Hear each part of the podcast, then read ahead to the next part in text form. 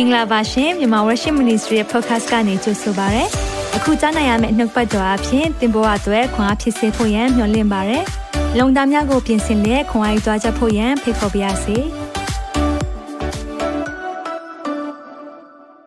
အားလုံးကိုပြန်လည်ကြိုဆိုပါရစေ။ဖျာရှင်နာမှာတော့တိုင်းဘုံကြီးပါစေ။အကြောင်းဒီနေ့နှုတ်ပတ်တော်ခံယူဖို့အစဉ်သင့်ဖြစ်ပြီးဆိုရင်ဝန်ခံရအောင်။ဒီနှစ်သုံးနှုတ်ပတ်တော်သည်အကျွန်ုပ်ခြေရှိမှမိခွက်ဖြစ်၍ကျွန်ုပ်လမ်းကြီးကို လေးစေပါ၏တစ်ခေါက်လောက်ထပ်ဝင်ခံရအောင်နှုတ်ကပတ်တော်သည်ကျွန်ုပ်ခြေရှိမှမိခွက်ဖြစ်၍ကျွန်ုပ်လမ်းကြီးကိုလင်းစေပါ၏အာမင်ကျွန်တော်အသက်တာတွေပြင်ဆင်ရအောင်နှလုံးသားတွေပြင်ဆင်ရအောင်ဒီနေ့နှုတ်ပတ်တော်အထူးလေးနဲ့တဲ့ကျွန်တော်တို့ကိုသခင်ဖြစ်စီလိုတဲ့အသင်းတော်အကြောင်းပြောမှဖြစ်တယ်ဒါကြောင့်မလို့ကိုယ့်ရဲ့အသက်တာမှာသခင်နှစ်သက်တဲ့အသင်းတော်ဘာလဲဆိုတာကိုကျွန်တော်သင်ယူရမှာဖြစ်တယ်ဒါကြောင့်ရောက်စီတိုင်းကိုကြိုဆိုရဲ သက်ရှင်သောဖခင်နာမတော်ချီးမွမ်းပါတယ် let the weak say i am strong ကျွန်တော်အားနေတဲ့အချိန်မှာကိုရောအားဖြစ်တယ်ကျွန်တော်အားနေတဲ့အခါမှာကိုရောခွန်အားဖြစ်တယ်ဒါကြောင့်ဒီနေ့ညမှာပြောမယ့်နှုတ်ပတ်တော်အားလုံးဟာကိုရောရဲ့စကားနဲ့ကိုရောရဲ့ပြောကြားစီခြင်းတဲ့အရာများပဲဖြစ်ပါစေယုံကြည်သူသားသမီးတယောက်ချင်းစီတိုင်းကိုယေရှုနာမနဲ့ကောင်းချီးပေးတယ်သူပြနှလုံးသားများကိုကောင်းချီးပေးတယ်အနောက်ရှက်ပေးမဲ့ဝိညာဉ်ဆိုးရဲ့လုပ်ရဲ့အားလုံးစာတန်ရဲ့တိုက်ခိုက်ခြင်းတဲ့အရာအလုံးယေရှုနာမ၌ဖယ်ရှားတယ်အသင်တော်များကိုပြုပြင်ခြင်းဖြစ်တယ်အသင်တော်များကို ပြင်ဆင်ခြင်းဖြစ်တယ်ဒါကြောင့်မလို့ကိုရောနှုတ်ပတ်တော်မှာတကူပါစေပါရှင်းလင်းစေပါနားလည်စေပါချိန်တိုင်းသက်သာအလုံးလက်ဝဲနဲ့အနန္တလို့ကျွန်တော်ရဲ့ခန္ဓာစိတ်ဝိညာဉ်သုံးပါးကိုလည်းလက်ဝဲနဲ့အနန္တနဲ့ဆက်များမှဆိုင်၍နားဆင်နေကြတဲ့သားသမီးကြီးဆုံးမှငယ်ဆုံးတိုင်းရဲ့နှလုံးသားကိုကောင်းချီးပေးတယ်နှလုံးသားထဲမှာထာဝရဘုရားရဲ့တူတည်ခြင်းနဲ့လွတ်မြောက်ခြင်းကိုဒီနေ့မှာခံစားစေပါယေရှုရဲ့မြတ်သောနာမ၌စက္ကန့်နဲ့ဆုတောင်းကြပါ၏ အာမင်အာမင်အာမင်เนาะဒီနေ့အားလုံးကိုတခါပြန်လည်ကြိုဆိုပါရစေဟုတ်ပြီဒီနေ့နောက်ကပတ်တော်ခေါင်းစဉ်ကတော့အာဒီနေ့အသင်းတော်ခုနှစ်ပါးအသင်းတော်ခုနှစ်ပါးမှာကျွန်တော်တို့ပြောလာတဲ့သစ္စာရှိသောအသင်းတော်ဆိုပြီးတော့ခေါင်းစဉ်ပေးထားတယ်သစ္စာရှိသောအသင်းတော်ဖိလဒေလဖိနော်ဖိလဒေလဖိဆိုတဲ့အသင်းတော်အကြောင်းကိုဒီနေ့မှာပြောပြသွားမှာဖြစ်တယ်ဟုတ်ပြီဆိုတော့ဒီအသင်းတော်နဲ့ပတ်သက်ပြီးတော့ကျွန်တော်တို့နှုတ်ပတ်တော်ထဲမှာမပြောခင်မှာအတိတ်ပဲလေးကိုပြောပြချင်တယ် Philadelphia Philadelphia ရဲ့အတိတ်ပဲကတော့ညီကိုချင်းချစ်ချင်းဆိုတဲ့အတိတ်ပဲဖြစ်တယ်ဒီမြို့နာမည်ကညီကိုချင်းချစ်ချင်း brotherly love ဆိုတဲ့အသင်းတော်ဖြစ်တယ်ကောင်းလိုက်တဲ့နာမည်လေးเนาะလှတဲ့နာမည်လေးဖြစ်တယ် phileo phileo ဆိုတာချစ်ချင်းเนาะပြီးရင် adelphos เนาะ adel adelphos ကတော့ brother ပေါ့เนาะဆိုတော့တင်အာ Greek မှာချစ်ချင်းမြတ်တာနဲ့ပတ်သက်ပြီးတော့၄မျိုးရှိတယ်เนาะဆိုတော့အဲ့ဒီချစ်ချင်းမြတ်တာ၄မျိုးထဲမှာ အဲကျွန်တော်တို့ကျွန်တော်တို့ကတော့ချစ်ချင်းမေတ္တာလို့ပြောရင်ချစ်တယ်ဆိုတာသိပြီးတော့ခွဲခြားပြီးမထားဘူးလေနော်ဆိုတော့အဲ့ဒါကြောင့်မလို့ကျွန်တော်ချစ်ချင်းမြတ်တာနဲ့ပတ်သက်ပြီးတော့သိခွဲခြားမထားပေမဲ့ Greek မှာတော့ခွဲခြားပြီးထားတယ်အဲ့ဒီထဲမှာတော့ဖခင်ရဲ့မြတ်တာ agape လို့ခေါ်တယ်နော် unconditional သင်သူ့ကိုချစ်ချစ်မချစ်ချစ်သူတင့်ပေါ်ကောင်းကောင်းမကောင်းကောင်းသူကကောင်းတယ်ဒါမျိုးချစ်ချင်းမြတ်တာဖြစ်တယ်နော်ဆိုတော့ဒီနေ့ကတော့ phileo ဆိုတာကတော့ဒါ brotherly ညီကိုချင်းချစ်တဲ့အချစ်ဆိုတဲ့မြို့လေးဖြစ်တယ်เนาะဒါလေးကလှတယ်လို့ထင်ပါတယ်ဟုတ်ပြီကျွန်တော်နှုတ်ပတ်တော်ဖတ်ရအောင်ကျွန်တော်ဗျာဒိတ်လေ့လာလာတာအခုဆိုရင်အခန်းကြီး3တော့ရောက်လာပြီเนาะတဖြည်းဖြည်းကျွန်တော်တို့ဗျာဒိတ်ကျမ်းရဲ့နည်းနည်းတဲ့အကြောင်းအရာတွေကိုဆက်လက်ပြီးတော့ပြောသွားမှာဖြစ်တယ်နှုတ်ပတ်တော်ထဲမှာဗာပြောလဲဆိုတော့ဗျာဒိတ်ကျမ်းခန်းကြီး3ငယ်9ကနေ10မှာဒီလိုပြောပါရယ်ကျွန်တော်တကြောင်ချင်းတစ်ပိုက်ချင်းတန်နိုင်သလောက်ရှင်းပြပြီးသွားမယ်เนาะ ဖိလတ်ဒေလဖိမြို့၌ရှိသောအသင်းတော်ဤတမန်ကိုဤတို့ရေး၍မာလိုက်လောအသင်းတော်တမန်ဆိုတာအသင်းတော်ရဲ့အုပ်ချုပ်သူပါစတာဒါကိုပြောတာဖြစ်တယ်တန်ရှင်းတော်သူပြောကြည့်ပါတန်ရှင်းတော်သူဟုတ်မှန်တော်သူပြောကြည့်ပါဟုတ်မှန်တော်သူအာမင်ပြီးရင်ပြောကြည့်ပါအောင်ဒါဝိမင်းဤတကားတော်ကိုဂိုင်တော်သူဘာလို့ရပြောခိုင်းဆိုအဲ့ဒီစကလုံးတွေကတိတ်အရေးကြီးတယ်ဆိုတာကို သိသိစေခြင်းနဲ့အဘယ်သူမျှမပိတ်နိုင်အောင်ဖွင့်၍အဘယ်သူမျှမဖွင့်နိုင်အောင်ပိတ်တော်သူဤအမိန်တော်ကဟုတ်ပြီနော်ဆိုတော့အဲ့မှာခဏလောက်ရဲရဆိုတော့ဘာကြောင့်လဲဆိုတော့ရှေ့ပိုင်းမှာသခင်ယေရှုကသူ့ကသူ့သူ့သူ့ကိုယ်သူပုံဖော်တဲ့အရာလေးကတိတ်လေးနေတယ်ဘာကိုပုံဖော်လဲဆိုတော့တန့်ရှင်းတော်သူတဲ့တွေ့လားသူ့ကိုယ်သူတန့်ရှင်းတော်သူသူကိုယ်သူဟုတ်မှန်တော်သူဆိုတော့အင်္ဂလိပ်ကျမ်းစာမှာဆို holy and true လို့ပြောတယ်။ဘာကြောင့်ဒီလိုပြောတာလဲဆိုရင် အဲအဲ့ဒီမှာကျွန်တော်ဒါလေးကိုအရင်ဆုံးရှင်းပြခြင်းတယ်ဒီရဲ့မြို့အကြောင်းကကျွန်တော်တို့သိဖို့ကပါလဲဆိုတော့ဒီဖိလတ်ဒေလဖီမြို့ကဘာနဲ့စီးပွားဖြစ်လဲဆိုရင်သူတို့မြို့ကအာဇပစ်เนาะဇပစ်ဥယျာဉ်တွေအဓိကအာထားပြီးတော့ဒီဥယျာဉ်တွေနဲ့သူတို့ရဲ့မြို့ကိုကြီးပွားတဲ့မြို့ဖြစ်တယ်နောက်ပြီးရင်ကုန်းလန်းဘက်ကိုသွားမယ်အရင်တော့ဆိုရင်မြို့တွေကအခုလိုမျိုးအာလမ်းတွေကအရန်မများသေးတဲ့အခါမှာ အဲတခြားမြို့တွေကိုသွားခြင်းနေဆိုရင် Philadelphia မြို့ကနေဖြတ်ပြီးသွားရတယ်ဒါမျိုးဖြစ်တဲ့အခါမှာဒီမြို့ကတိတ်ရေးပါတယ်ဆိုတာကိုကျွန်တော်တို့အဲဒါကိုသိရတယ်နော်ဆိုတော့အဲ့လိုဒီမျိုးကရေးပါတဲ့အခါမှာဘာဖြစ်လဲဆိုတော့ AD 19မှာမြင်းကလေးအကြီးကျယ်လောက်တဲ့အခါမှာဒီမျိုးဟာအကြီးကျယ်ပျက်စီးသွားတယ်အကြီးကျယ်ပျက်စီးသွားတဲ့အခါမှာယောမတွေကဒီမျိုးကိုကူညီပေးမလားဆိုပြီးတော့သူတို့က အယမ်းမျှော်လင့်တယ်ဒါပေမဲ့သူတို့မျှော်လင့်ချက်မဖြစ်လာဘူးမျှော်လင့်ချက်မဖြစ်လာတဲ့အပြင်ကို Emperor Domitian Emperor Domitian တက်လာတဲ့အခါမှာဒီမျိုးကပြန်လည်တိဆောက်ရေးမှာအရန်ကြီးသူတို့စူးစမ်းနေပြီးတော့စီးပွားတွေပြန်လုပ်နေရတဲ့အချိန်မှာ Emperor Domitian တက်လာတဲ့နောက်ပိုင်းမှာဘာပြန်လုပ်လဲဆိုတော့ဒီဇပစ်ဥယျာဉ်ဒီနဲ့ပတ်သက်ပြီးတော့အဲ့ဒီမျိုးကတအားကိုဖြစ်ထွန်းတဲ့မျိုးဒါပေမဲ့ Emperor Domitian ကအမိန့်ထုတ်လိုက်တယ်ဒီမျိုးကဇပစ်ပင်တွေအလုံးဖျက်ဆီးရမယ်။ ဘာကြောင့်အဲ့လိုဖျက်ဆီးခိုင်းတာလဲဆိုတော့တကယ်ယောမမြို့မှာရှိတဲ့ဇပစ်ပင်ရဲ့အရေးအသွေးเนาะသူတို့အသီးအရေးသွေးတက်တာတဲ့အခါမှာစီးပွားမှာယောမတွေရဲ့စီးပွားရေးကနည်းနည်းထိခိုက်လာတာကိုမကြိုက်တဲ့အခါမှာ Emperor Domitian ကဖြတ်ပါဖြတ်ပါเนาะဒါတွေကိုဖြတ်ခိုင်းလိုက်တယ်တဲ့ဆိုတော့အဲ့လိုမျိုးကြားတဲ့အခါမှာသူတို့ကဘာခံစားရလဲဆိုတော့သူတို့အပေါ်မှာအုတ်ချုပ်မင်းလုပ်တဲ့သူတွေရဲ့သစ္စာဖောက်ခြင်းကိုခံစားရတယ် ဒါကြောင့်မလို့ဒါကိုနားလေတဲ့ခါမှာနော်သခင်ယေရှုကသူတို့ကိုစကားပြောတဲ့ခါမှာစာရေးတဲ့ခါမှာဗာပြောလဲဆိုတော့ holy and truth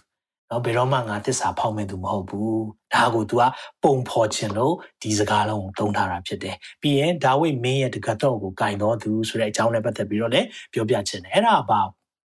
ဘာကိုပြောတာလဲဆိုတော့ဒါဝိမင်းရဲ့အဲတက္ကသိုလ်ကိုဂိုင်တဲ့သူကတော့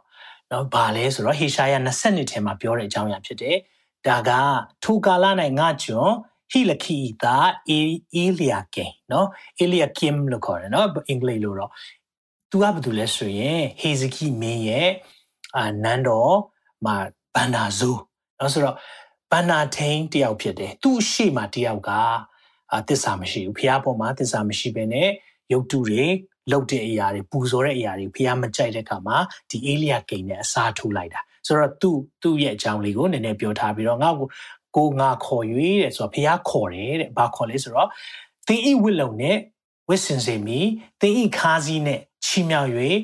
သင်ဤအစိုးရသောအခွင့်ကိုအပ်ပြီးလေသူသည်ယေရုရှလင်မြို့သူယူရအမျိုးသားတို့၏အဘဖြစ်လိမ့်မည်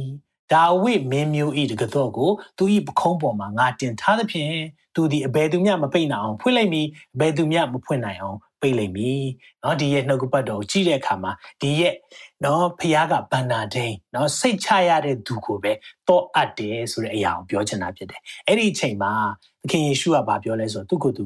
ဒါဝိမင်းရဲ့တော့ကင်ထားတယ်ဆိုတာပြောချင်တာကဖခင်စိတ်ချရတဲ့တရားသစ္စာမဖောက်မဲ့တရားဘယ်တော့မှเนาะဒီရဲ့တော့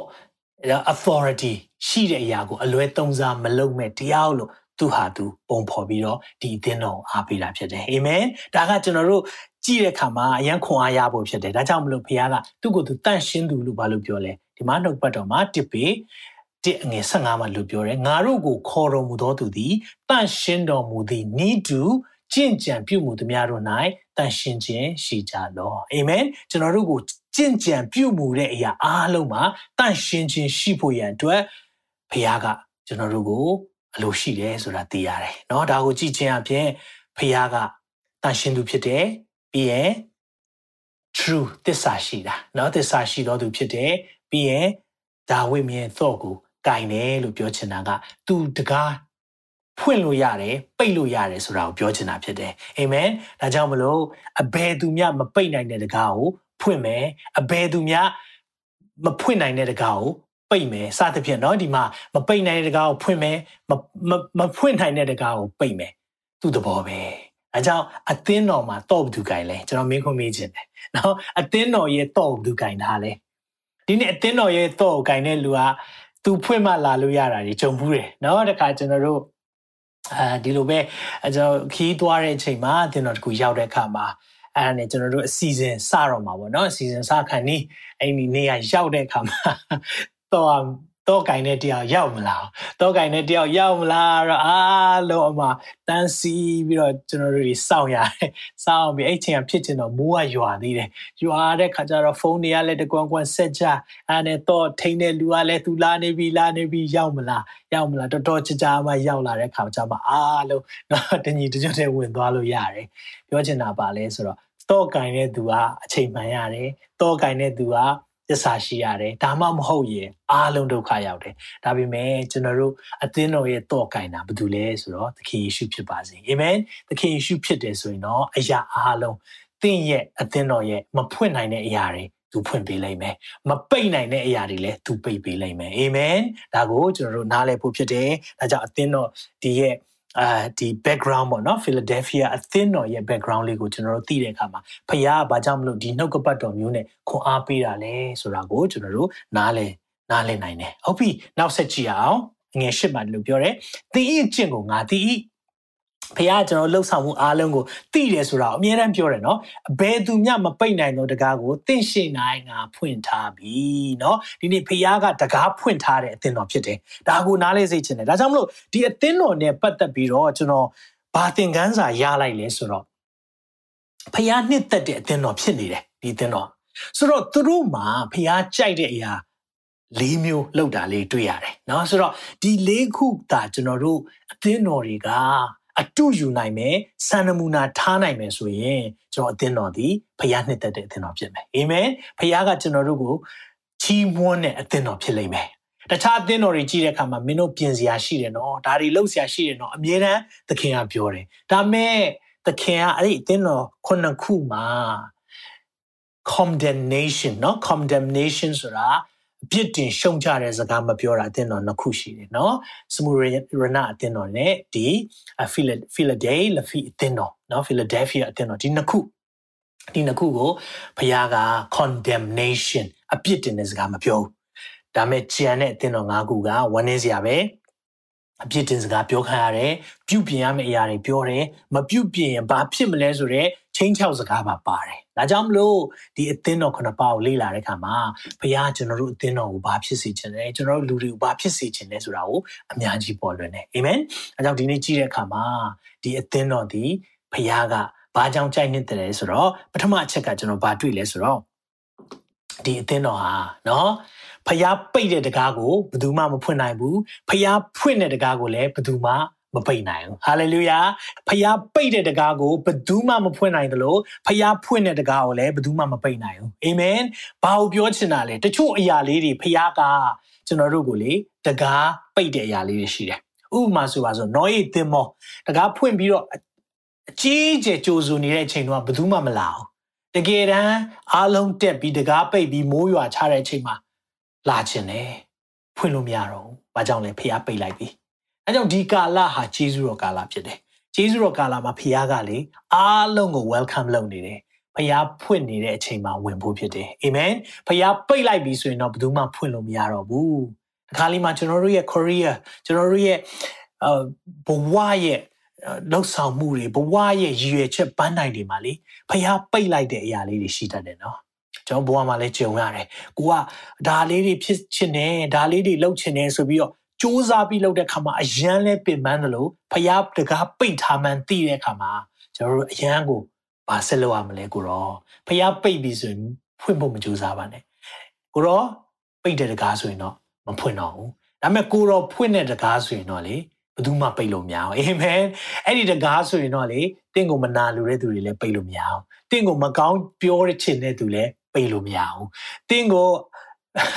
အတင်းတုံနေတဲ့သူတွေလည်းပိတ်လို့မရဘူး။ဘာကြောင့်လဲ။ဖျားဖွင့်ထားတဲ့တကားမှလေဘယ်သူမှပိတ်လို့မရဘူး။ဒါကြောင့်ဒီအသင်းတော်ကဖျားကတကားဖွင့်ထားတဲ့အသင်းတော်ဖြစ်တယ်။ဘာကြောင့်လဲဆိုရင်သူတို့ဟာဖျားရဲ့ချစ်ချင်းမြတ်တာတွေကိုအမြဲတမ်း ဖွင့်ဟထားတဲ့အသင်းတော်ဖြစ်တယ်။လူတွေကိုကြိုဆိုတဲ့အသင်းတော်ဖြစ်တယ်။အာမင်။တခါလေမှကျွန်တော်တို့ကဆိုင်းဘုတ်တစ်ခုအောက်မှာအသင်းတော်ကိုပိတ်ပလိုက်တတ်တယ်။ပြောချင်တဲ့ဘောပါလေ။ဂိုင်းကနာတစ်ခုအောက်မှာတခြားဂိုင်းကနာတွေမကြိုဆိုတော့တာ။လူမျိုးတစ်မျိုးအောက်မှာတခြားလူမျိုးတွေကိုဖယ်လိုက်တာမျိုးဖြစ်တတ်တယ်။ဒါပေမဲ့ဒီအသင်းတော်ကတော့အားလုံးကိုတကားဖွင့်ထားတဲ့အသင်းတော်ဖြစ်တယ်။အာမင်။ဒါကြောင့်ဒီမှာကြည့်တဲ့အခါမှာနော်အသင်းအသင်းတော်မှာဘာဖြစ်တာလဲဆိုတော့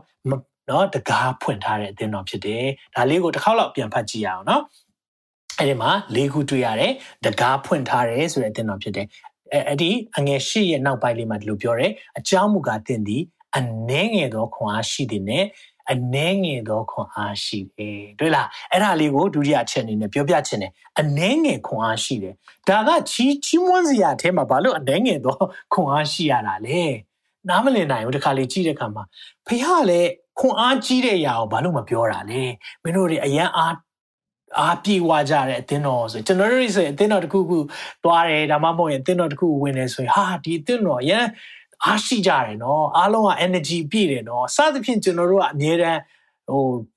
အားတာချက်ကိုပဲပြောတာပေါ့နော်ဒါပေမဲ့ဒီအသင်းတော်ကိုသခင်ကလမ်းကြည့်လိုက်တဲ့အခါမှာကျွန်တော်အားနေတယ်တဲ့ဒီအားနေတဲ့အရာကြီးကဘာလို့ချီးမွမ်းစရာဖြစ်တာလဲ ဒီနေ့ပြောပြချင်တယ် comment ရေးလိုက်ပါ ခွန်အားနည်းသူအစွမ်းရှိပြီဟာလေလုယာဒီအသင်းတော်ကလေခွန်အားနည်းနေပေမဲ့သူတို့ကလေဘာကိုဥတီသွားလဲသိလားခရစ်တော်ရဲ့ခွန်အားနဲ့သွားနေတာသူတို့ရဲ့ခွန်အားနဲ့မသွားဘဲနဲ့ကိုရောရဲ့ခွန်အားနဲ့သွားနေတာအာမင်ပြန်ပြောမယ်နော်ကိုရဲ့ခွန်အားနဲ့မသွားဘဲနဲ့ကိုရောရဲ့ခွန်အားနဲ့သွားတာကိုဖခင်ကနှစ်သက်တယ်တခါလေကျွန်တော်တို့ကကိုခွန်အားနဲ့သွားတဲ့ခါမှာကိုရောမလိုတော့ဘူးကျွန်တော်တို့ရဲ့ပညာတတ်ခြင်းကကိုရောမလိုတော့ဘူးကျွန်တော်တို့ရဲ့ဥစ္စာရှိခြင်းကကိုရောမလိုတော့ဘူးဆိုရင်ကိုရောဝမ်းနေတယ် ဒါပေမဲ့ဒီနေ့ကိုရောတကယ်လို့စေလို့ချင်တာနဲ့ဖြစ်စေချင်တာပါလေသိလားသင်သွားနေတဲ့အရာကသင်ရဲ့ခွန်အားနဲ့မဟုတ်ဘဲနဲ့သခင်ရဲ့ခွန်အားနဲ့ဖြစ်ပါစေဟာလေလုယာသင်ရဲ့ခွန်အားချက်သခင်ရဲ့ခွန်အားနဲ့သွားပါလို့အာမင်ဒီနေ့တယောက်နဲ့တယောက်အားပေးရအောင်သင်ရဲ့ခွန်အားချက်သခင်ရဲ့ခွန်အားနဲ့သွားဖို့လိုတယ်တခါလေမှကျွန်တော်တို့ကလေတခုခုကိုကျွမ်းကျင်သွားတဲ့ခါမှာကျွမ်းဝင်မှုကအားနေသွားတယ်အာတခုခုလှုပ်တက်သွားတယ်တစ်ချိန်အရန်ဆိုတက်သွားတယ်တစ်ချိန်အရန်တီးတက်သွားတယ်တရားအရန်ဟောတက်သွားတယ်ဟုတ်လားအစီအစဉ်တွေအရန်လှုပ်တက်သွားတဲ့ခါမှာ ကျွန်တော်တို့အားကိုးချက်ကဘာတွေဖြစ်သွားလဲကိုယ့်ရဲ့ program ဖြစ်သွားတယ်ကိုယ့်ရဲ့ program နဲ့ကိုယ့်ရဲ့လူတွေပေါ်မှာဖြစ်သွားပြီးတော့သခင်မရှိတော့တဲ့အရာမျိုးမဖြစ်ပါစေနဲ့အာမင်ဒါကြောင့်မလို့ဒီနေ့မှာတခုပြောပြချင်တယ် when you are zero Jesus is hero amen ပြန်ပြောမယ်နော် when you become zero Jesus can become hero hallelujah ဒီနေ့သင်ကတုံညဖြစ်သွားတဲ့ခါမှာလေသခင်ကလေအရာအားလုံးသူလုပ်တယ်ဆိုတာပေါ်တယ်ဒါနေကျွန်တော်တို့စူးစမ်းကြတယ်အရန်စူးစမ်းကြတယ်အချိန်မှစားရင်တချင်းတိုက်တာမှစားရင်တခါလေအရန်စူးစမ်းစူးစမ်းရင်းနဲ့နောက်ဆုံးပါနားလေသွားလဲကိုက hero ဖြစ်နေတတ်တယ်အဲ့ဒီ hero ဖြစ်ခြင်းကိုလေ0ဖြစ်သွားဖို့လိုတယ်ပြောချင်တာကစင်ပေါ်မှာကိုတက်နေတာလားကိုရောတက်နေတာလားကဲကိုတက်နေတယ်ဆိုရင်တော့ကိုရောအလုပ်လုပ်လို့မရအောင်ဒီနေ့ တော့ကင်တာကိုလားကိုရောလားကိုတော့ကင်နေသေးကိုရောဖွင့်လို့မရအောင်အာမင်ဒါကြောင့်မလို့ကျွန်တော်တို့တွေအရာအားလုံးသခင်ထံအနံဖို့လိုတယ်။အဲကြောင့်မလို့ကျွန်တော်တို့ရဲ့အသက်တာမှာကိုရောကိုရောပဲအသင်းတော်ရဲ့ဥဆောင်တော်သူအသင်းတော်ရဲ့တော့ကင်တော်သူဖြစ်ပါစေလို့ဒီနေ့မှာဝန်ခံရအောင်။ Hallelujah let the weak say i am strong let the poor say i am rich ဘာလို့နှုတ်ပတ်တော်အဲ့လိုပြောလဲ let the weak say အားနေတဲ့သူ ဘာလို့ခွန်အားဖြစ်တာလဲနှုတ်ပတ်တော်ထဲမှာဗာပြောလဲဒီနေ့သင်ယူရမယ့်အရာတွေတကားဖွင့်ထားတယ်ဟာလေလုယာအသင်းတော်ဟာခရစ်တော်၌တည်ကြည်ရင်တကားဖွင့်မယ် အနှင်းငယ်သောခွန်အားရှိတယ်ဒါပေမဲ့အဲ့ဒီအနှင်းငယ်သောခွန်အားမှာနှုတ်ပတ်တော်ဘာပြောလဲငါတကိုးသည်အားနေခြင်းအဖြစ်၌စုံလင်တတ်တယ်အာမင်နှစ်ကောဆက်နှစ်အငယ်ကိုမှာငါဂျေဇုဟာတင်ဖို့လောက်တယ်ငါ my grace is sufficient sufficient ဆိုတာလောက်တယ်ဒါပေမဲ့အဲ့လိုပြောတဲ့ခါမှာငါဂျေဇုလောက်တယ်လို့ပြောတဲ့ခါမှာ ငါတကူဖခင်ကလေအဲ့ဒီအားနေတဲ့အရာမှာတကူအဖြစ်ဆုံးလင်တာဒါကြောင့်ကျွန်တော်တို့ရဲ့အားနေချက်ကလေသခင်ရဲ့အားကြီးခြင်းကိုဖြစ်သွားစေတယ်ကျွန်တော်တို့ရဲ့မစုံလင်ခြင်းကသခင်ရဲ့စုံလင်ခြင်းကိုဖြစ်သွားစေတယ်အာမင်ကျွန်တော်တို့အယံတက်နေပြီဆိုရင်အယံချမ်းသာနေပြီဆိုရင်အယံလိုတရဖြစ်နေပြီဆိုရင်ဘာလို့ဖခင်ကိုလိုတော့မှာလဲဒါကြောင့်မလို့သခင်ကဘာပြောလဲဥစ္စာရှိတဲ့သူဟာဖခင်ကိုရဖို့ဆိုတာ အရန်ခက်တယ်ဟုတ်လားဖះကိုရဖို့အရန်ခက်တယ်ဒီနေ့နော်အနှစ်ပေါက်သေးကိုတစ်ကလေးဝင်သွားလို့ရရမယ်ဟုတ်လားချမ်းသာတဲ့သူတွေပြောင်းလဲဖို့သိခက်တယ်ဒါပေမဲ့ဒီမှာတချို့တွေချမ်းသာတဲ့လူတွေဖះကိုသိတဲ့လူရှိတယ်အာမင်ဖះရှင်ကောင်းချီးပေးပါစေဖះကိုသိတယ်အရန်ကိုနော်ပညာတတ်တဲ့သူတွေဖះကိုသိတဲ့လူအများကြီးရှိတယ်ဒါလည်းတိတ်ကို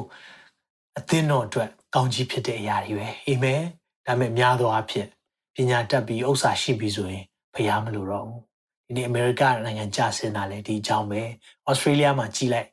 ဩစတြေးလျနိုင်ငံခရစ်ယာန်နိုင်ငံမဟုတ်ဘူး secular secular နိုင်ငံဖြစ်တယ်အဲကြောင့်ဒီမှာဆိုရင်အဆင်ပြေတယ်ချမ်းသာတဲ့အခါမှာဖျောက်အားကိုကြီးရော့သွားတယ် refugee တွေဒီနိုင်ငံရောက်လာကြတယ်သူတို့တွေဟိုပေးတဲ့ center link ဆိုတဲ့အရာရှိတယ်ဒါတွေစားတယ် နှစ်ပတ်တစ်ခါဗန်ထဲမှာပတ်စံဝင်တယ်ဆိုတော့နှစ်ပတ်တစ်ခါဗန်ထဲပတ်စံဝင်တော့ကျွန်တော်တို့တွေဟာလာအိတ်ဖောင်းတော့ဘာဖြစ်လဲစိတ်ပြောင်းနေเนาะအရင်တော့မလေးရှားမှာဆိုအကြီးကျယ်တူးထောက်ပြီးမျက်ရည်မျက်ခွက်နဲ့ဖះကိုဆက်ကတ်တာဒီမှာမရှိတော့တခါလေကြာရင်လေအဲ့ဒီချမ်းသာခြင်းကတကယ်စစ်မှန်သောကြွယ်ဝခြင်းဟုတ်ရဲ့လားလို့ပြောခြင်းတယ်ကျွန်တော်ချမ်းသာခြင်းကိုเนาะတိုက်ခိုက်တာမဟုတ်ပါဘူးဒီနေ့ဒါမဲ့ကျွန်တော်တို့ကအဲ့ဒီကြွယ်ဝခြင်းဟာ ဖះနဲ့ညီးတဲ့ကြွယ်ဝခြင်းပဲဖြစ်ပါစေဖះကိုကောင်းကြီးမင်္ဂလာရေတွက်တဲ့အရာတကောင်းကြီးတစ်ခုနောက်တစ်ခုရေတွက်တဲ့အရာပဲဖြစ်ပါစေအာမင်ကျွန်တော်မရှိဘူးတဲ့အရာတွေရှိလာကြတယ်เนาะယင်တော့เนาะကျွန်တော်တို့တွေမရှိဘူးတဲ့ရွာဘက်မှာမရှိဘူးတဲ့အရာတွေဒီမှာရှိလာကြတဲ့အခါမှာတကယ်တော့လေပတ်စံလေဘာအောင်မြင်စီလဲသိလားပတ်စံနဲ့အောင်မြင်မှုကိုကျွန်တော်ဒီလိုမြင်တယ်ပတ်စံနဲ့အောင်မြင်မှုကလေလူတယောက်ရဲ့ character ကိုလေ ပို့ပြီးပေါ်လွင်စေတယ်မှန်ဘလူးနဲ့တူတယ်တခါလေကျွန်တော်တို့ပြောတတ်တယ်မလားအာသူပတ်စံရှိသွားတော့ကြီးကျယ်သွားတယ်ငါတို့စကားမပြောချင်ဘူးအဲ့လိုမဟုတ်ဘူးအစကတည်းက तू ကအိတ်စိတ်ရှိပြီးသားဒါပေမဲ့ပတ်စံရှိလာတဲ့အခါမှာလှုပ်လို့ရတယ်ငါကြိုက်တာလှုပ်လို့ရတယ်လို့ဖြစ်သွားတာဒီအောင်မြင်လာရင်လည်းအဲ့လိုပဲသူအောင်မြင်နည်းနည်းလေးအောင်မြင်နေထင်တော့မှစကားပြောလို့မရတော့ဘူးဘာကြောင့်လဲအောင်မြင်သွားပြီဆိုရင်တကယ်တော့မဟုတ်ဘူးအစကတည်းကရှိထားပြီးသားဒါမဲ့ အောင်မြင်ခြင်းနဲ့နော်ကြွယ်ဝချမ်းသာခြင်းကမှန်ဘလူးနဲ့တူတယ်လူရဲ့စိတ်ကိုပို့ပြီးတော့ပေါ်လွင်စေတဲ့အရာဖြစ်တယ်ဒါပေမဲ့လေအရင်ကတည်းကလေပေးကမ်းခြင်းစိတ်ရှိတဲ့သူအရင်ကတည်းကလေလူတွေကိုချစ်တဲ့သူအောင်မြင်ကြည့်ကြွယ်ဝကြည့်ပိုချစ်တယ်ပိုပေးကမ်းတယ်ဟာလေလုယာကျွန်တော်ယုံကြည်တယ်မိတ်ဆွေဟာထိုနည်းသောထိုနည်းအဲ့ဒီလူတွေပဲဖြစ်တယ်လို့ဒီနေ့မှာပြောချင်တယ်ဟာလေလုယာပိုပြီးပေးကမ်းမယ်ပိုပြီးတော့ ဖခင်မြတ်တာကိုပြမယ်ပို့ပြီးတော့ဖခင်အတွက်နိုင်ငံတော်အတွက်ပို့ပါဝင်မယ်အဲ့လိုလူတွေတာ၍ဖခင်ရှင်ကောင်းချီးပေးပါစေအာမင်ဒါကြောင့်မလို့ငါတကူဟာအာနေခြင်းအရာမှာစုံလင်နေထို့ကြောင့်ခရစ်တော်၏တကူသည်ငါအပေါ်မှာကျင်းဝတ်မိကြောင်းငါကိုယ်၌အာနေခြင်းအဖြစ်ကိုဝမ်းမြောက်သောစိတ်နဲ့ဝါကြွားခြင်းငါသာ၍ငါလိုရှိတယ်။ကျုံဘောလူအဲ့လိုပြောတာနော်။ तू ကြည့်လိုက်ပညာတက်လာအရင်တက်တယ်။ ပညာတက်တယ်။ယေဘရဟိမ်ဖြစ်ဖို့ရန်အတွက် training နော်။သွားနေတဲ့သူပါရီရှဲတယောက်စံစာတိလာတိတယ်။ကျန်တဲ့သူတွေတိတယ်။အဲကြောင့်လေဖះကလေသူ့ကိုလေနဲ့နေရဖွင့်ပြတယ်။လေးလေးနက်နက်နားလည်နိုင်တဲ့သူလေးလေးနက်နက်ဖွင့်ပြတတ်တယ်ဖះ။အဲကြောင့်မလို့တခြားလူတွေရေးကြပါတယ်နှုတ်ပတ်တော်ဒါပေမဲ့ရှင်ရှင်ပေယူကိုယ်တိုင်ဗာပြောလဲငါညီပေါ်လူပြောတဲ့အရာတွေကနော်ဒီနေ့ခေတ်စကားနဲ့ပြောရဆိုမြင့်တယ် နော်နားလည်ဖို့ခက်တယ်နော်အဲ့လောက်ထိတောင်ပြောရတယ်။ဘာကြောင့်လဲ။ तू က तू အားနေတဲ့အရာအဲ့ဒီအရာကတဲ့ဖျားတကူသူ့ပုံမှာရောက်ဖို့ရန်အတွက်ဖြစ်တယ်ဆိုတာဝန်ခံတာဒါဝါကြွားတယ်။ तू အားနေခြင်းကို तू ဝါကြွားတယ်။အားနေတာကောင်းတယ်။ဘာကြောင့်လဲ။ကိုရရဲ့ခွန်အားရတယ်။အာမင်။ဒီနေ့သင်ရဲ့အားနေချက်အရာတွေကိုလေငါအားနေတယ်ငါ့ကိုလူတွေကမဆက်ဆံချင်ဘူးငါ့ကိုလူတွေကပြစ်ပယ်ထားတယ်အဲ့လိုအားနေဖို့မဟုတ်ဘူး။အော်ငါအားနေတဲ့ခါမှာ သခင်ကငါအတွက်ခွန်အားဖြစ်တယ်။ဟာလေလုယာ။ဒီနေ့အဲ့လိုဝန်ခံနိုင်တော်သူများဖြစ်ဖို့ဘုရားရှင်သင်ကိုကောင်းချီးပေးပါစေ။ဒီနေ့မှာကျွန်တော်တို့တွေအားနေတဲ့အရာတွေအားလုံးမစုံလင်တဲ့အရာတွေရှိခြင်းဟာလေစုံလင်တဲ့သခင်ကိုပို့တည်ဖို့ဖြစ်တယ်။အာမင်။ဟာလေလုယာ။ဆက်ပြီးတော့ကြည့်ရအောင်။နံပါတ်3ချက်ကဒီအသင်းတော်မှာယူလို့ရတဲ့နံပါတ်3ချက်ပါလဲဆိုတော့နှုတ်ကပတ်တော်ကိုစောင့်ရှောက်တယ်လို့ပြောတယ်။နှုတ်ပတ်တော်စောင့်ရှောက်တယ်လို့ပြောတဲ့အခါမှာသူတို့နှုတ်ပတ်တော် ဒီမှာကျွန်တော်နှုတ်ပတ်တော်ထဲမှာဗာရေးထားလဲဆိုတော့မကြည့်လဲဆိုတော့အငယ်၈ရဲ့နောက်ပိုင်းမှာငါဤနှုတ်ကပတ်တော်ကိုလည်းစောင့်ရှောက်ခဲ့ပြီတဲ့အာမင်ငါရဲ့နှုတ်ကပတ်တော်ကိုလည်းစောင့်ရှောက်ခဲ့ပြီတဲ့ဒီအသင်းတော်ဟာလေနှုတ်ကပတ်တော်မှာယက်တည်တဲ့အသင်းတော်ဖြစ်တယ်ဟာလေလုယာနှုတ်ကပတ်တော်မှာယက်တည်တဲ့အသင်းတော်ကိုသခင်ကသိကြိုက်တယ်သခင်ကသိနှစ်သက်တယ်အဲကြောင့်ဒီနေ့ကျွန်တော်ယုံကြည်တယ်ဒီနေ့ online မှာကြည်နေသူများအားလုံး နှုတ်ကပတ်တော်မှာတကယ်ရည်တည်တဲ့သူများဖြစ်ပါစေနှုတ်ကပတ်တော်ကပြောတဲ့အရာအားလုံးဟာစုံလင်နေနော်အိမ်ထောင်ရေးနဲ့ပတ်သက်ပြီးတော့ရှာမလားရှိတယ်စီးပွားရေးနဲ့ပတ်သက်ပြီးရှာမလားရှိတယ်အသင်းတော်နဲ့ပတ်သက်ပြီးတော့ရှာမလားရှိတယ်အကုန်လုံးကျွန်တော်တို့ကိုတမန်ဒီကသွန်သင်ပြီးသားပြီဒါပေမဲ့ကျွန်တော်တို့တွေကမလိုက်လျှောက်နိုင်တာ မလိုက်လျှောက်တာတခုပဲရှိလိမ့်မယ်ဒီနေ့နှုတ်ကပတ်တော်နဲ့ရက်တည်တဲ့အသင်းတော်ကိုဖခင်ရှင်သိမ့်နေတတ်တယ်ဟာလေလုယာအဲကြောင့်နှုတ်ကပတ်တော်ပေါ်မှာရက်တည်တယ်ဆိုတာဒီအသင်းတော်ကိုသူချီးကျူးတဲ့စကားလုံးထဲမှာတခုပါဝင်ဖြစ်တယ်ဒါကြောင့်သင်ရဲ့အသင်းတော်ကိုဖခင် ဘလို့မြင်လဲသစ္စာရှိတဲ့အသင်းတော်လို့မြင်စေခြင်းလေဒီနှုတ်ပတ်တော်ပေါ်မှာယက်တည်ပါနှုတ်ပတ်တော်ကဟုတ်ဒီကောဟုတ်မဟုတ်ဒီကောမဟုတ်ဟုတ်တယ်နော်ကျွန်တော်တို့သွန်သင်တဲ့အရာလေးတွေကတခါလေးမှာနားထဲမှာခါတယ်လို့ဖြစ်ပေမဲ့ရားတယ်လို့ဖြစ်ပေမဲ့ဒီနှုတ်ပတ်တော်တကယ်ပြုပြင်တာအနာရှိတယ်ဆိုရင်အဲ့အနာလေးကိုပုတ်ပေးတော့ကောင်းတယ်လေနော်နေလို့ကောင်းတယ်ပြည်တယ်တဲနေတဲ့ဟာဘာမှမလုပ်ဘဲနဲ့အော်နာနေပါပဲနော်ဟလာ သူပြီးတော့အော်အာပေးစကားပြောအေးကောင်းသွားလိမ့်မယ်ဆိုရင်သူကကြိုက်တယ်လေဒါပေမဲ့တယောက်လာပြီးတော့ညှစ်ထည့်လိုက်ရင်အဲ့တယောက်စိတ်ဆိုးမှာပေါ့ဒါပေမဲ့အဲ့လိုညှစ်ထည့်လိုက်ခြင်းအဖြစ်မှာဖြစ်သွားလဲကျမ်းမာတာတကယ်ကျမ်းမာခြင်းကတခါလေကျွန်တော်တို့ရဲ့ပီကိုညှစ်ထုတ်ဖို့လိုတယ်အဲကြောင့်သင်ရဲ့အသက်တာမှာလေတခါလေကိုယ်ကိုပီညှစ်တဲ့လူတွေဖျားထားတတ်တယ်အဲ့လိုထားတဲ့အခါမှာစိတ်မပြတ်နဲ့ကိုကိုလေတဲ့လာပြောတဲ့လူတွေရှိတတ်တယ်တခါလေနာသွားတယ်လို့ခံစားရတယ်လို့ရှိတယ်ဒါပေမဲ့အ ချိန်မှာသူတို့ကိုယေရှုတင်လိမ့်မယ်တဲ့။ဒါကြောင့်လဲဆိုတော့သင်ရဲ့မမြင်လိုက်တဲ့အရာလေးတွေဖခင်ပြောပြတဲ့အရာလေးတွေရှိတယ်။ဒါကြောင့်ဖခင်ရှင်ကကျွန်တော်တို့ကိုအမြဲတမ်းခတ်သိမ်းသောအရာအကျိုးပြုတယ်။ဟာလေလုယာ။ဒီသင်ကြိုက်တဲ့အရာပဲမဟုတ်သင်မကြိုက်တဲ့အရာအဖြစ်လဲဖခင်သခင်ကကျွန်တော်တို့ကိုတစ်ခါလေမှာအားလုံးနော်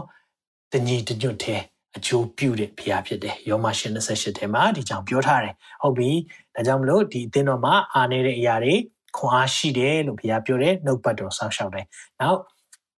ဒီချက်ကတော့တည်ကြည်တယ်နံပါတ်၄ချက်ကတော့သခင်ယေရှုရဲ့နာမတော်ကိုမစွန့်ပေဘူးတဲ့ဒီအသင်းတော်ဟာသခင်ယေရှုရဲ့နာမကိုမစွန့်ပေဘူးဒီနေ့ကျွန်တော်တို့ကသခင်ယေရှုရဲ့နာမကိုစွန့်ပေဖို့အဲ့လိုပြောတဲ့အခါမှာကျွန်တော်တို့မစွန့်ပေပါဘူးမငင်းပါဘူးအဲ့ဒီအချိန်တော့အချိန်ကြီးပြောပြမယ်ယောမအင်ပါရာနော် ဒီယောမကဲတာဘုရင်เนาะ Caesar ကိုဘာပြောရလဲဆိုတော့ Caesar is Lord เนาะ Caesar ဟာဖျားဖြစ်တယ်ဆိုတာပြောချင်လွယ်လွယ်လေးအဲ့ဒီ marketplace เนาะသူတို့ပြောတယ် Agoda เนาะ Agoda တို့မှာသွားပြီးတော့ marketplace မှာဘာလုပ်ရလဲဆိုတော့ဒီအမွှေးတိုင်ကိုเนาะနန့်တာပေါင်းပူဇော်လိုက်ရုံနဲ့ဒါဟာဘာကိုပြောတာလဲဆိုတော့ကဲတာသည်ဘုရင်ဖြစ်တယ်လို့ပြောတာဖြစ်တယ် ကဲတာဘုရင်ဖြစ်တယ်ကဲတာဟာဘုရင်ဖြစ်တယ်ဘုရင်ဖြစ်တဲ့အပြင်ဖျားဖြစ်တယ် Caesar is Lord Caesar ဘုရင်ကဲတာဘုရင်ဒီဖျားဖြစ်တယ်လို့ဝန်ခံလိုက်ရုံပဲဒါပေမဲ့သူတို့အဲ့ဒီနန္တာဘောင်းတော်မပူဆုံးဘာကြောင့်လဲ no ဖျားရဲ့နာမကိုမငြင်းဘူးဖျားရဲ့နာမကိုဘယ်တော့မှမငြင်းဘူးသူတို့အဲ့ဒီအချိန်မှာတော်တော်ဒုက္ခရောက်တယ်ဘာကြောင့်လဲဆိုတော့ Jew တွေက synagogue လို့ခေါ်တယ်တရားစရက်ကိုတရားဝင်ခွင့်ပြုထားတယ်အဲ့ဒီအချိန်ကခွင့်ပြုပြီးတော့ ဂျူးတွေထဲမှာရှိတဲ့သူเนาะဂျူးဘာသာဝင်တွေเนาะဂျူးဂျူဒီယဇမ်လို့ခေါ်တာပေါ့เนาะဂျူးဘာသာဝင်တွေကဘာလို့ဆရာမလို့လဲဆိုတော့ကဲတာဘယင်ကဖျားဖြစ်တယ်ဆိုနန္ဒပေါင်းတွေလှုပ်ဆရာမလို့သူတို့ကအဲ့ဒီအရာနဲ့เนาะတကယ်ကိုဘယ်လိုပြောမလဲချွင်းချက်ထားပေးထားတယ်ဒါပေမဲ့ဖြစ်ချင်တော့ဂျူးနဲ့ခရိယန်တွေအတူတူเนาะဂျူးထဲကနေယေရှုကိုလက်ခံတဲ့အဖွဲ့တွေကရှိလာပြန်ရော နော်ပြောမယ်ဆိုရင်တော့ခရိယန်တွေပေါ့ယုံကြည်သူတွေရှိလာတယ်ရှိလာတဲ့အခါမှာအဲ့ယုံကြည်သူတွေကတဖြည်းဖြည်းများလာပြီးတော့သူတို့အားဖြင့်လည်းတခြားပြောင်းလဲလာတဲ့အခါမှာဒီအရင်နော်မီယိုဖလာဂျူးတွေလို့ခေါ်ပါပေါ့နော်ဒီဂျူဒီယဇမ်တွေကဂျူဒီယဇမ်ဘာသာဝင်တွေကမကြိုက်တော့ဘူးမကြိုက်တဲ့အခါမှာသူတို့မလာခိုင်းတော့ဘူးတကားတွေပိတ်ပလိုက်ပြီ။သွားမင်းတို့မလာနဲ့တော့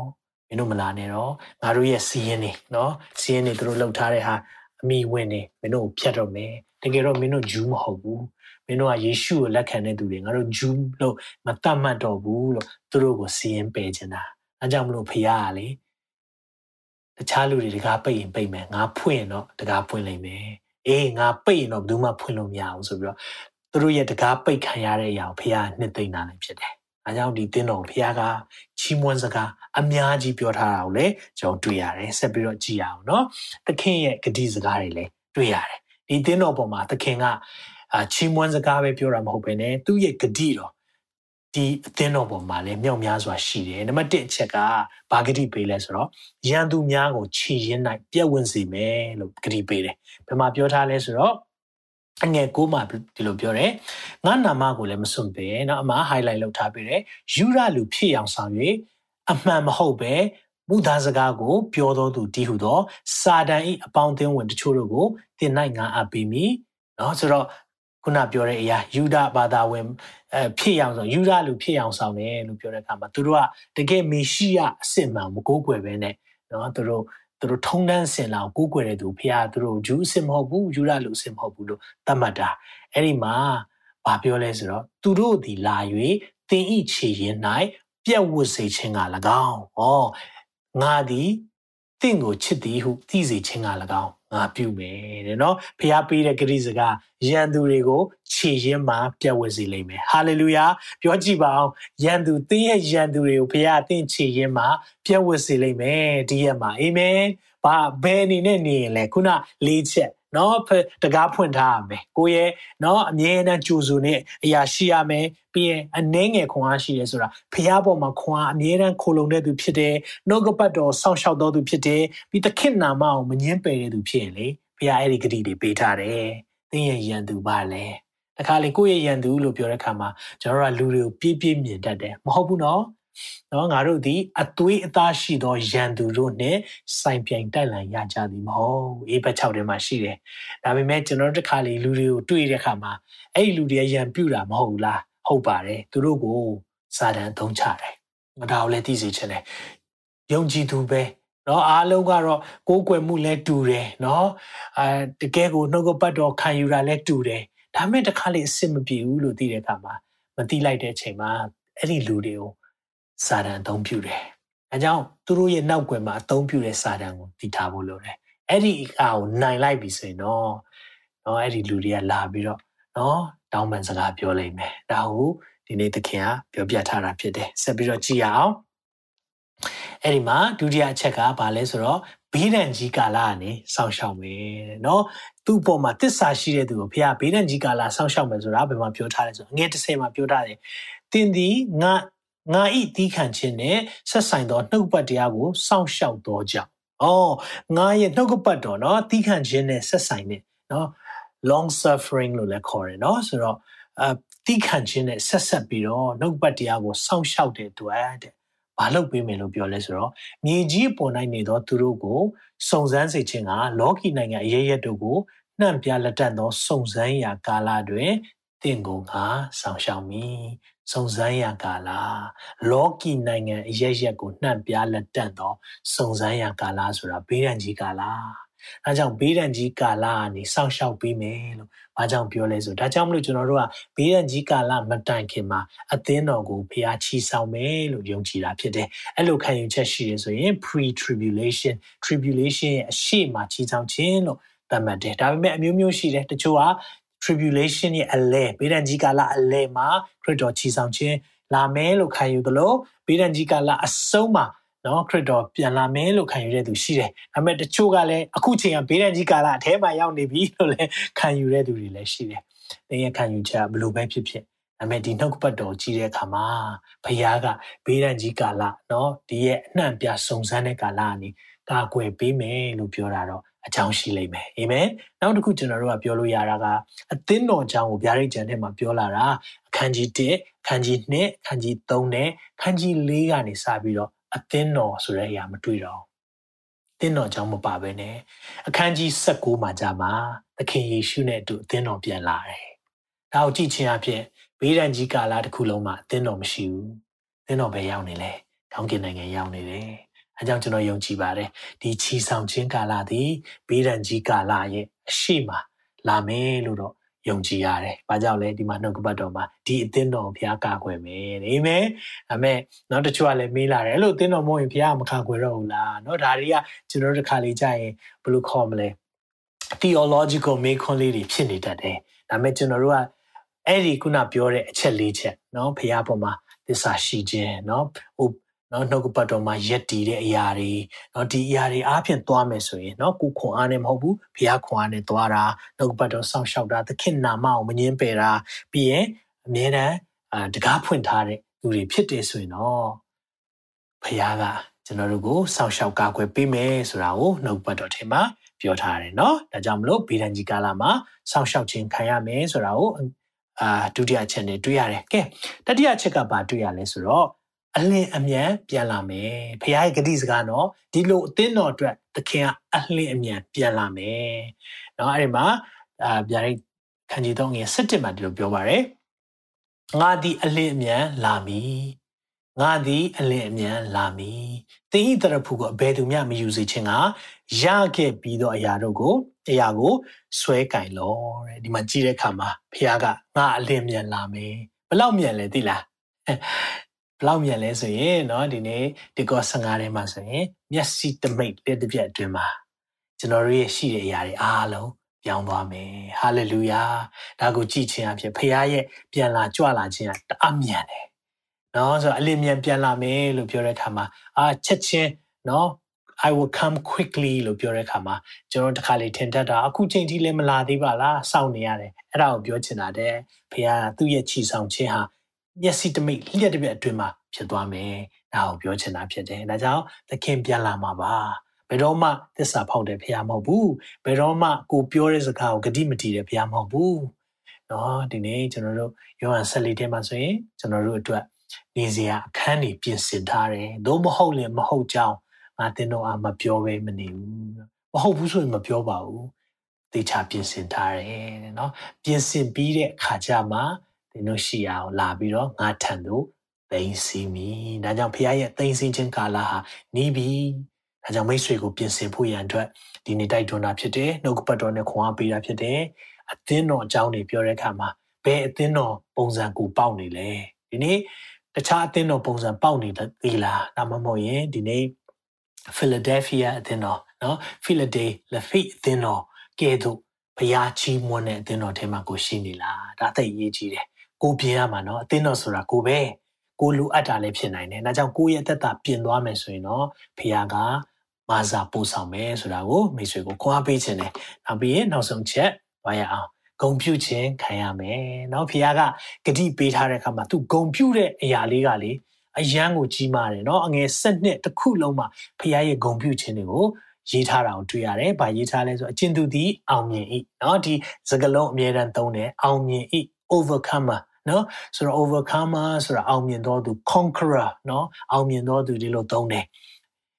အောင်မြင်ဤထိုသူကိုငါသည်ငါဤဖျားသခင်ဗိမာန်တော်၌တိုင်ဖြစ်စေမိတဲ့ဝေါအဲ့ဒါကြီးရဲ့စကားအရန်စကလုံးကအရန်ကြီးသွားတယ်ဗိမာန်တော်ရဲ့တိုင်လို့ပြောတဲ့အခါမှာကျွန်တော်တို့ကဘာနားလဲရလဲဆိုတော့ဆက်ပြီးတော့ရှင်းပြခြင်းတယ်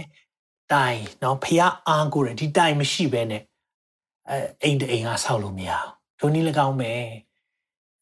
ဒီရကောင်းကင်နော်ဖျားရဲ့ဗိမာန်တော်ငါရဲ့ဖျားသခင်ဗိမာန်တော်ရဲ့တိုင်ဆိုတာတကယ်အားကိုးရတဲ့နော်အသေးနှလုံးတွေနော်တကယ်ကိုရင်ခုန်တဲ့သူတွေဖြစ်စီမှာဘုရားကအဲ့ဒီလူတွေကိုလေအသင်းတော်တွေမှာထားတတ်တယ်အသင်းတော်ရဲ့တကယ်မှန်တိုင်ပဲအဲ့လိုထားတတ်တယ် အမှန်ကန်နေ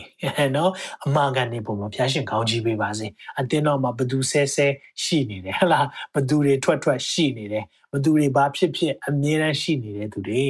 ဘုရားကလေအဲ့ဒီလူတွေကိုဒီနေ့မှာဘုရားသခင်ဗိမာန်တော်မှာတိုင်ဖြစ်စေမယ်နောက်တစ်ဖန်သူဒီပြင်လို့မရွှေ့ရ။ဘာကြောင့်အဲ့လိုပြင်လို့ရွှေ့မရွှေ့ရလို့ပြောလဲဆိုတော့ခုနပြောတဲ့ဂျူးလူမျိုးအချင်းချင်းယေရှုကိုလက်ခံတဲ့အဖွဲ့နဲ့ယေရှုကိုလက်မခံတဲ့အဖွဲ့တွေကြားထဲမှာယေရှုကိုလက်ခံတဲ့အဖွဲ့တွေက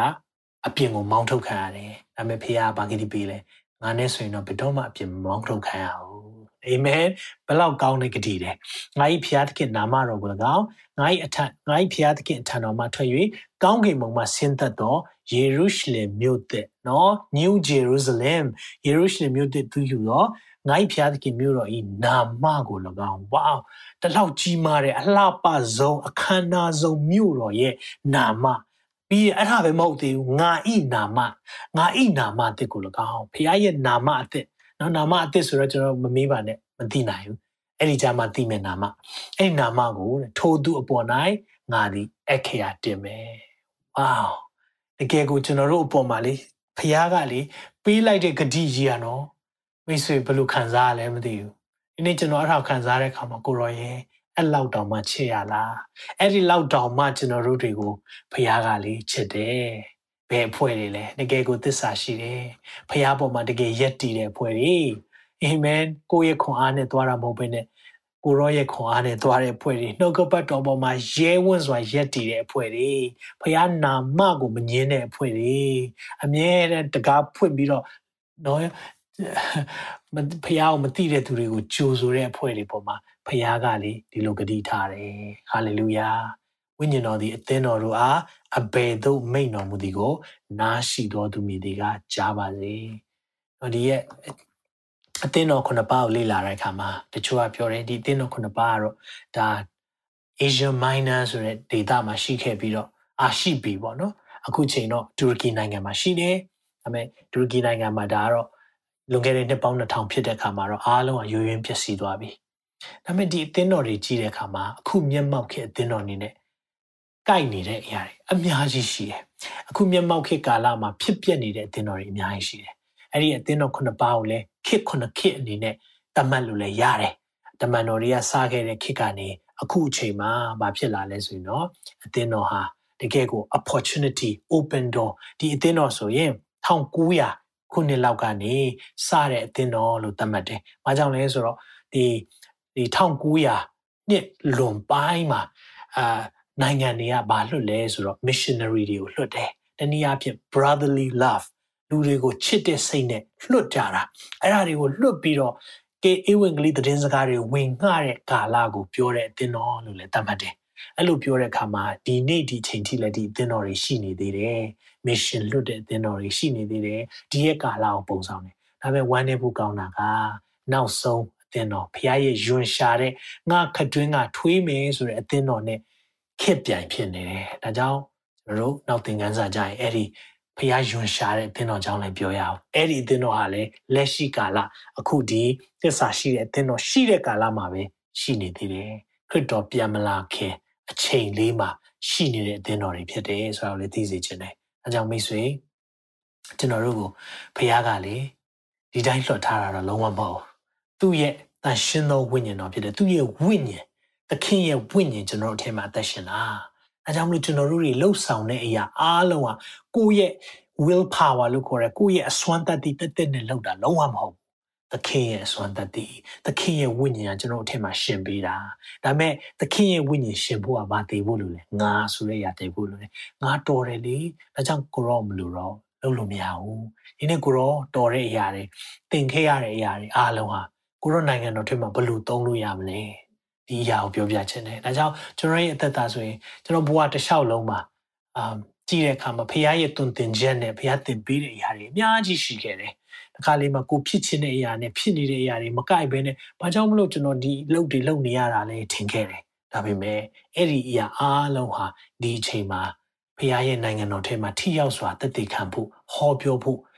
ဒီရဲ့သင်တန်းတွေဖြစ်နေတယ်ဆိုတာကိုသိရတယ်။ ။ဒါကြောင့်မိတ်ဆွေဒါလေးနဲ့ကျွန်တော်ပြောပြီးတော့အဆုံးသတ်ချင်တယ်။ဒီအသင်းတော်ကအခုနော်ကျွန်တော်တို့ Philadelphia အသင်းတော်ရှိခဲ့တဲ့နေရာမှာအာခုနှစ်ရာစုတုန်းကရှိခဲ့တဲ့ St John Church လို့ခေါ်တယ်။အဲ့ဒီမှာကြီးလိုက်ပါအောင်အသင်းတော်ရဲ့တိုင်ကြီးကဘလောက်ကြီးလဲ။နော်နည်းတဲ့နေရာမှတိုင်ကြီးမဟုတ်ဘူး။ဒါပေမဲ့အဲ့ဒီအသင်းတော်ရှိတဲ့အချိန်ကတော့ရောမ Empire ကနော်တပြေးပြေးလွှမ်းမိုးလာပြီးတော့အာနောက်ဆုံးမှာ ယောမတွေရဲ့နိုင်ငံတော်ဘာသာကိုခရစ်ယာန်ဘာသာဖြစ်ပြထားလိုက်တဲ့အခါမှာ Roman Catholic တွေဖြစ်လာတာပေါ့နော်ဆိုတော့အဲဒီကနေစပြီးတော့ကိုးကွယ်မှုတွေဟာမာယွန်းစွာကိုးကွယ်မှုတွေအများကြီးအသင်တော်တွေကိုစိတ်ဝင်လာတယ်။ဘာကြောင့်လဲဆိုတော့ဖះကိုချစ်လို့ကိုးကွယ်တာမဟုတ်တော့ဘဲနဲ့ကြောက်လို့ကိုးကွယ်တာเนาะတတ်ခံမှာဆိုလို့ကိုးကွယ်တာဖြစ်တဲ့အခါမှာเนาะဆိုတော့ Venus နတ်ဖះကိုယူလာတဲ့အဖွဲ့တွေကလည်းเนาะနာမည်တစ်မျိုးနဲ့အသင်တော်ထဲမှာ ကိုးကွယ်လာတယ်ရုပ်တုကိုးကွယ်ခြင်းတွေအသင်တော်တွေရောက်လာတယ်เนาะဒါတွေကကျွန်တော်တို့နောက်ပိုင်းမှာပြောပြမယ်ဒါပေမဲ့အခုချိန်မှာသွားကြည့်ရင်ရှိနေသေးတဲ့အသင်တော်ပေါ့เนาะအသင်တော်ရဲ့အာဒီအပျက်စီးလေးကတော့ဒီမှာတွေ့ရတယ်ဆိုတာတွေ့ရတယ်เนาะဟုတ်ပြီဒါကြောင့်မလို့ဒီနှုတ်ပတ်တော်လေးနဲ့ခွန်အားပေးခြင်းနဲ့ဖိလိပ္ပိ၄ငယ်73ဒီနှုတ်ပတ်တော်ကျွန်တော်ဖတ်တဲ့အခါမှာအပေါ်ပိုင်းအရင်ဖတ်ဖို့လိုတယ်เนาะဖိလိပ္ပိခန်းကြီးလေးငယ်1ကနေ7မှာရှင်ပေါလုကသူ့ရဲ့ခံခဲ့ရတဲ့ဒုက္ခဆင်းရဲခြင်းတွေအမျိုးမျိုးကိုသူရေးထားတယ် ဒါကြောင့်မလို့အဲလိုဆုံးလိုက်တာဒီလိုဒုက္ခဆင်းရဲတွေငါခံရတဲ့အတွက်ငါတည်သွားတာတခုရှိတယ်ငါကိုခွန်အားနဲ့ပြည့်စုံစေတော်မူသောခရစ်တော်အပြင်ခတ်သိမ်းသောအမှုတို့ကိုငါတတ်ဆွမ်းတယ်မိတ်ဆွေခွန်အားနဲ့တော့သွားနိုင်မှာမဟုတ်ဘူးဒါပေမဲ့လေကိုရောခွန်အားနဲ့ဆိုရင်တော့သင်သွားနိုင်လိမ့်မယ် ငါကိုခွန်အားနဲ့ပြည့်စုံစေတော်မူသောခရစ်တော်အဖြစ်ခတ်သိမ်းသောအမှုရာတို့ကိုငါတတ်ဆွမ်းနိုင်တယ်အာမင်ဝန်ခံရအောင်ဘာကြောင့်လဲခွန်အားနေတဲ့သူအစွမ်းရှိပြီးကိုတက်ရှင်တာမဟုတ်ကိုတော်တက်ရှင်တာကိုလောက်တာမဟုတ်တော့ကိုတော်လောက်တာကိုတတ်တာမဟုတ်တော့ကိုတော်တတ်တာဟုတ်တယ်နော်ကိုတော်တာမဟုတ်တော့ကိုတော်တော်တာဒီလိုဖြစ်သွားတယ်အဲကြောင့်ကျွန်တော်တို့အသက်တာမှာကြည့်တဲ့အခါမှာအကောင်းဆုံးဥပမာကတော့ရှင်ဘောလူပဲရှောလူဆိုပြီးသူ့နာမည်က သိခဲ့ကြတာအသင်းတော်နှိပ်စက်ညင်းဆဲတာမှတတိဖန်ဂဲနဲ့ပေါက်တဲ့အချိန်မှာအဲ့ဒီဂဲပေါက်တဲ့လူတွေအားရပါရပေါက်လို့ရအောင်လို့အင်ဂျီတွေကိုဂင်ထားပေးတဲ့တရားပရိယန်တွေကိုနှိပ်စက်ညင်းဆဲဖို့ကြီးကျယ်ကြိုးစားတဲ့ဒမသက်နော်ဒမတ်စကတ်ဆိုတာအခုဆီးရီးယားနိုင်ငံဒမတ်စကတ်မြို့တော်ကိုတွားတဲ့လမ်းမှာသခင်ယေရှုနဲ့နဖူးတွေဒူးတွေတွေ့ပြီးတော့အသက်တာပြောင်းလဲသွားတယ်နှိပ်စက်ညင်းဆဲတဲ့သူကနေခရစ်တော်အကြောင်းရဲဝင့်စွာအသက်ရှင်တဲ့သူဖြစ်သွားတယ်။ဘာကလုပ်ပေးလိုက်တာလဲ အထက်ကနေပြုပြင်တဲ့ခရစ်တော်ရဲ့တကူအာမင်ဒါကြောင့်ကျွန်တော်တို့သက်တာမှာကျွန်တော်တို့ပဲရှိတာမဟုတ်ဘူးမိတ်ဆွေကိုပြောပြချင်တယ်ဒီနေ့ဖခင်တကယ်ရှိတယ်ဖခင်သက်ရှင်တယ်ဖခင်ရဲ့ဝိညာဉ်တော်ကျွန်တော်တို့ကိုပြုပြင်လိမ့်မယ်ကျွန်တော်ရဲ့သက်တာလည်းပြုပြင်နေစေပဲပြုပြင်ဖို့လည်းအများကြီးလိုနေစေပဲဒါပေမဲ့ I am change and still changing amen I am change ပြောင်းလဲပြီလားပြောင်းလဲပြီ but still changing ပြောင်းလဲနေစေပဲပြောင်းလဲပြီလားပြောင်းလဲပြီ ပြောင်းလဲခဲ့ပြီးပြောင်းလဲနေစေပဲအာမင် comment ရေးပါအောင်ကျမသည်ကျွန်တော်ဒီပြောင်းလဲပြီးသို့တော့ပြောင်းလဲနေစေပဲဘာကိုပြောချင်တာလဲပြောင်းလဲပြီးဒါပေမဲ့ကိုရောနီးတူကိုရောကဲ့သို့ဖြစ်ဖို့နေ့စဉ်နဲ့အမြဘုရားကကျွန်တော်တို့ကိုတွင်တင်နေစေဖြစ်တယ်အဲ့လိုတွင်တင်တဲ့အခါမှာနံပါတ်1အမြဲတမ်းတကားဖွင့်ထားရအောင်အာမင်ကျွန်တော်သက်တာမှာပြုပြင်ခံခြင်းနဲ့စိတ်အမြဲတမ်းဖွင့်ထားရအောင် teachable heart နှလုံးသားအမြဲတမ်းဖွင့်ထားတဲ့အခါမှာ ဘာတွေဖျားပြုပြင်မလဲဘာဖျားစကားပြောမလဲအမြဲတမ်းကျွန်တော်နှလုံးသားတကားပြင်ဆင်တဲ့အခါမှာတော့ဖျားစကားပြောတယ်ပြီးရင်ကိုယ့်ရဲ့ခွန်အားရှိခြင်းဟာခွန်အားနည်းနေလဲကိုရောခွန်အားနဲ့သွားမယ်ဆိုတဲ့စိတ် let the weak say i am strong ဆိုတဲ့စိတ်နဲ့သွားဖို့လို့လို့နှုတ်ကပတ်တော်ပေါ်မှာယက်တည်ဖို့နှုတ်ကပတ်တော်ပေါ်မှာစောင့်ရှောက်ဖို့နှုတ်ကပတ်တော်ကပြောတဲ့အရာပေါ်မှာလှုပ်ဖို့ကျွန်တော်တို့သွားဖို့လို့လို့ခရစ်တော်ရဲ့နာမကိုမစွန့်ပယ်တော်သူတွေဖြစ်ဖို့လို့တယ်အဲ့လိုဆို ဘုရားဘာပြောလဲသူပေးထားတဲ့ဂတိတွေကကြောက်စရာကြီးအလင်းမြန်ပြန်လာမယ်နော်ယန်သူယန်သူအသင်ချေမှာပြည့်ဝတ်စေမယ်စုံစမ်းရာကာလမှာသင်ကိုစောင့်ရှောက်မယ်သင်ကိုကြီးမားစွာဂုဏ်ပြုမယ်ယေရုရှလင်မြို့သစ်မှာသင်ရဲ့နာမည်ကိုထားမယ်ဆိုရင်အဲ့မြို့တော်ကလေကဘာဆက်ဆက်ရှိမမြို့လေဟုတ်တယ်နော်ပြတ်သွားမယ်အရာမဟုတ်ဘူးဒီနေ့ကျွန်တော်တို့တွေဒါကိုစဉ်းစားတိုင်းလေ သင်ရဲ့ပေးဆက်နေရတဲ့ဟာလုံးဝအချီးမဟုတ်သင်ဖျားပေါ်မှာသစ္စာရှိရလုံးဝအချီးမဖြစ်ဘူးသင်ရဲ့ပေးကမ်းခြင်းလုံးဝအချီးမဖြစ်ဘူးဖျားကသင်ကိုသိချစ်တယ်ဖျားကဒီအရာတွေအတွက်သင်အတွက်ဆုလက်ပြင်ဆင်ထားပေးတယ်ဆိုတာဒီနေ့သိစေချင်တယ်ဟာလေလုယာခဏလောက်ဆက်ကြရအောင်ဖျားရှင်ကိုရောဂျေဇုတင်တယ်ဒီညမှာလည်းသစ္စာရှိသောအသင်းတော်ဖြစ်တဲ့ Philadelphia အသင်းတော်အကြောင်း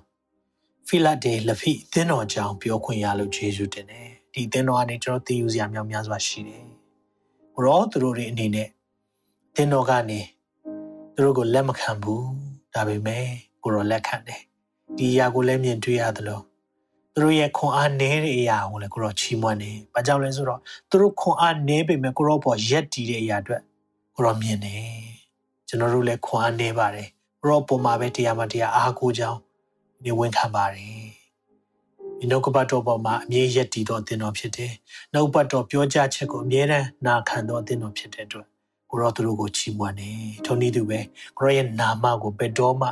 မစွန့်ပယ်ကိုရောနာမကိုဘယ်တော့မှမလဲလေတဲ့အသင်တော်ကိုရောချစ်တယ်ဒါကြောင့်မလို့ဒီနေ့နားဆင်နေတဲ့သာသမီအကြီးဆုံးမှအငယ်ဆုံးတိုင်းဒီအသင်တော်မှာကျွန်တော်တို့တွေသင်ယူဖို့ရန်ရှိတဲ့အရာတွေအားလုံးကိုကိုရော ဝိညာဉ်တော်ဘုရားနှလုံးသားအသီးသီးမှာနားလည်စေပါဒီနှုတ်ပတ်တော်မျိုးစေ့ကိုတော့ကြွယ်ကာပေးပါဒီငုတ်နှုတ်ပတ်တော်မျိုးစေ့ကြေးထားတဲ့အရာပေါ်မှာဘုရားရဲ့ကျွယ်ဝသောကောင်းကြီးမင်္ဂလာဒီနေ့ခံစားစေပါအသက်တာပြုပြင်ခြင်းနဲ့အတူတက်တည်ခံချက်မြောက်များစွာနဲ့ကိုရော့ကိုတာ၍ယဉ်ဤကျောင်းဝင်တော်သူများဖြစ်စေပါအသက်တာအချိန်နဲ့အားလုံးကိုရော့လက်ဝင်တဲ့အနန္တနဲ့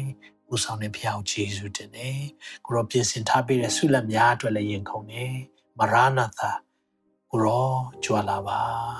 နေဝင်ခံကြပါတယ်သခင်ယေရှုရဲ့မြတ်တော်နာမ၌စက္ကန့်နဲ့ဆုတောင်းပါ၏အာမင်အာမင်အာမင်အာမင်အာမင်ဒီရောက်စီတိုင်းပေါ်မှာဖျာရှင်အထူးကောင်းချီးပေးပါစေတင်ခုလိုနာဆင်ခွန်အားနိုင်ခြင်းဟာမြန်မာ Worship Ministry ကိုလာဆင်ပန်ပိုးနေကြတဲ့ Kingdom Partners များအကြောင်းဖြစ်ပါတယ်။ဖျားခင်နိုင်ငံတော်ကျယ်ပြန့်ရေးအတွက်လာဆင်ပေးကမ်းပောင်းဖို့ရန်ဖိတ်ခေါ်လိုပါတယ်ရှင်။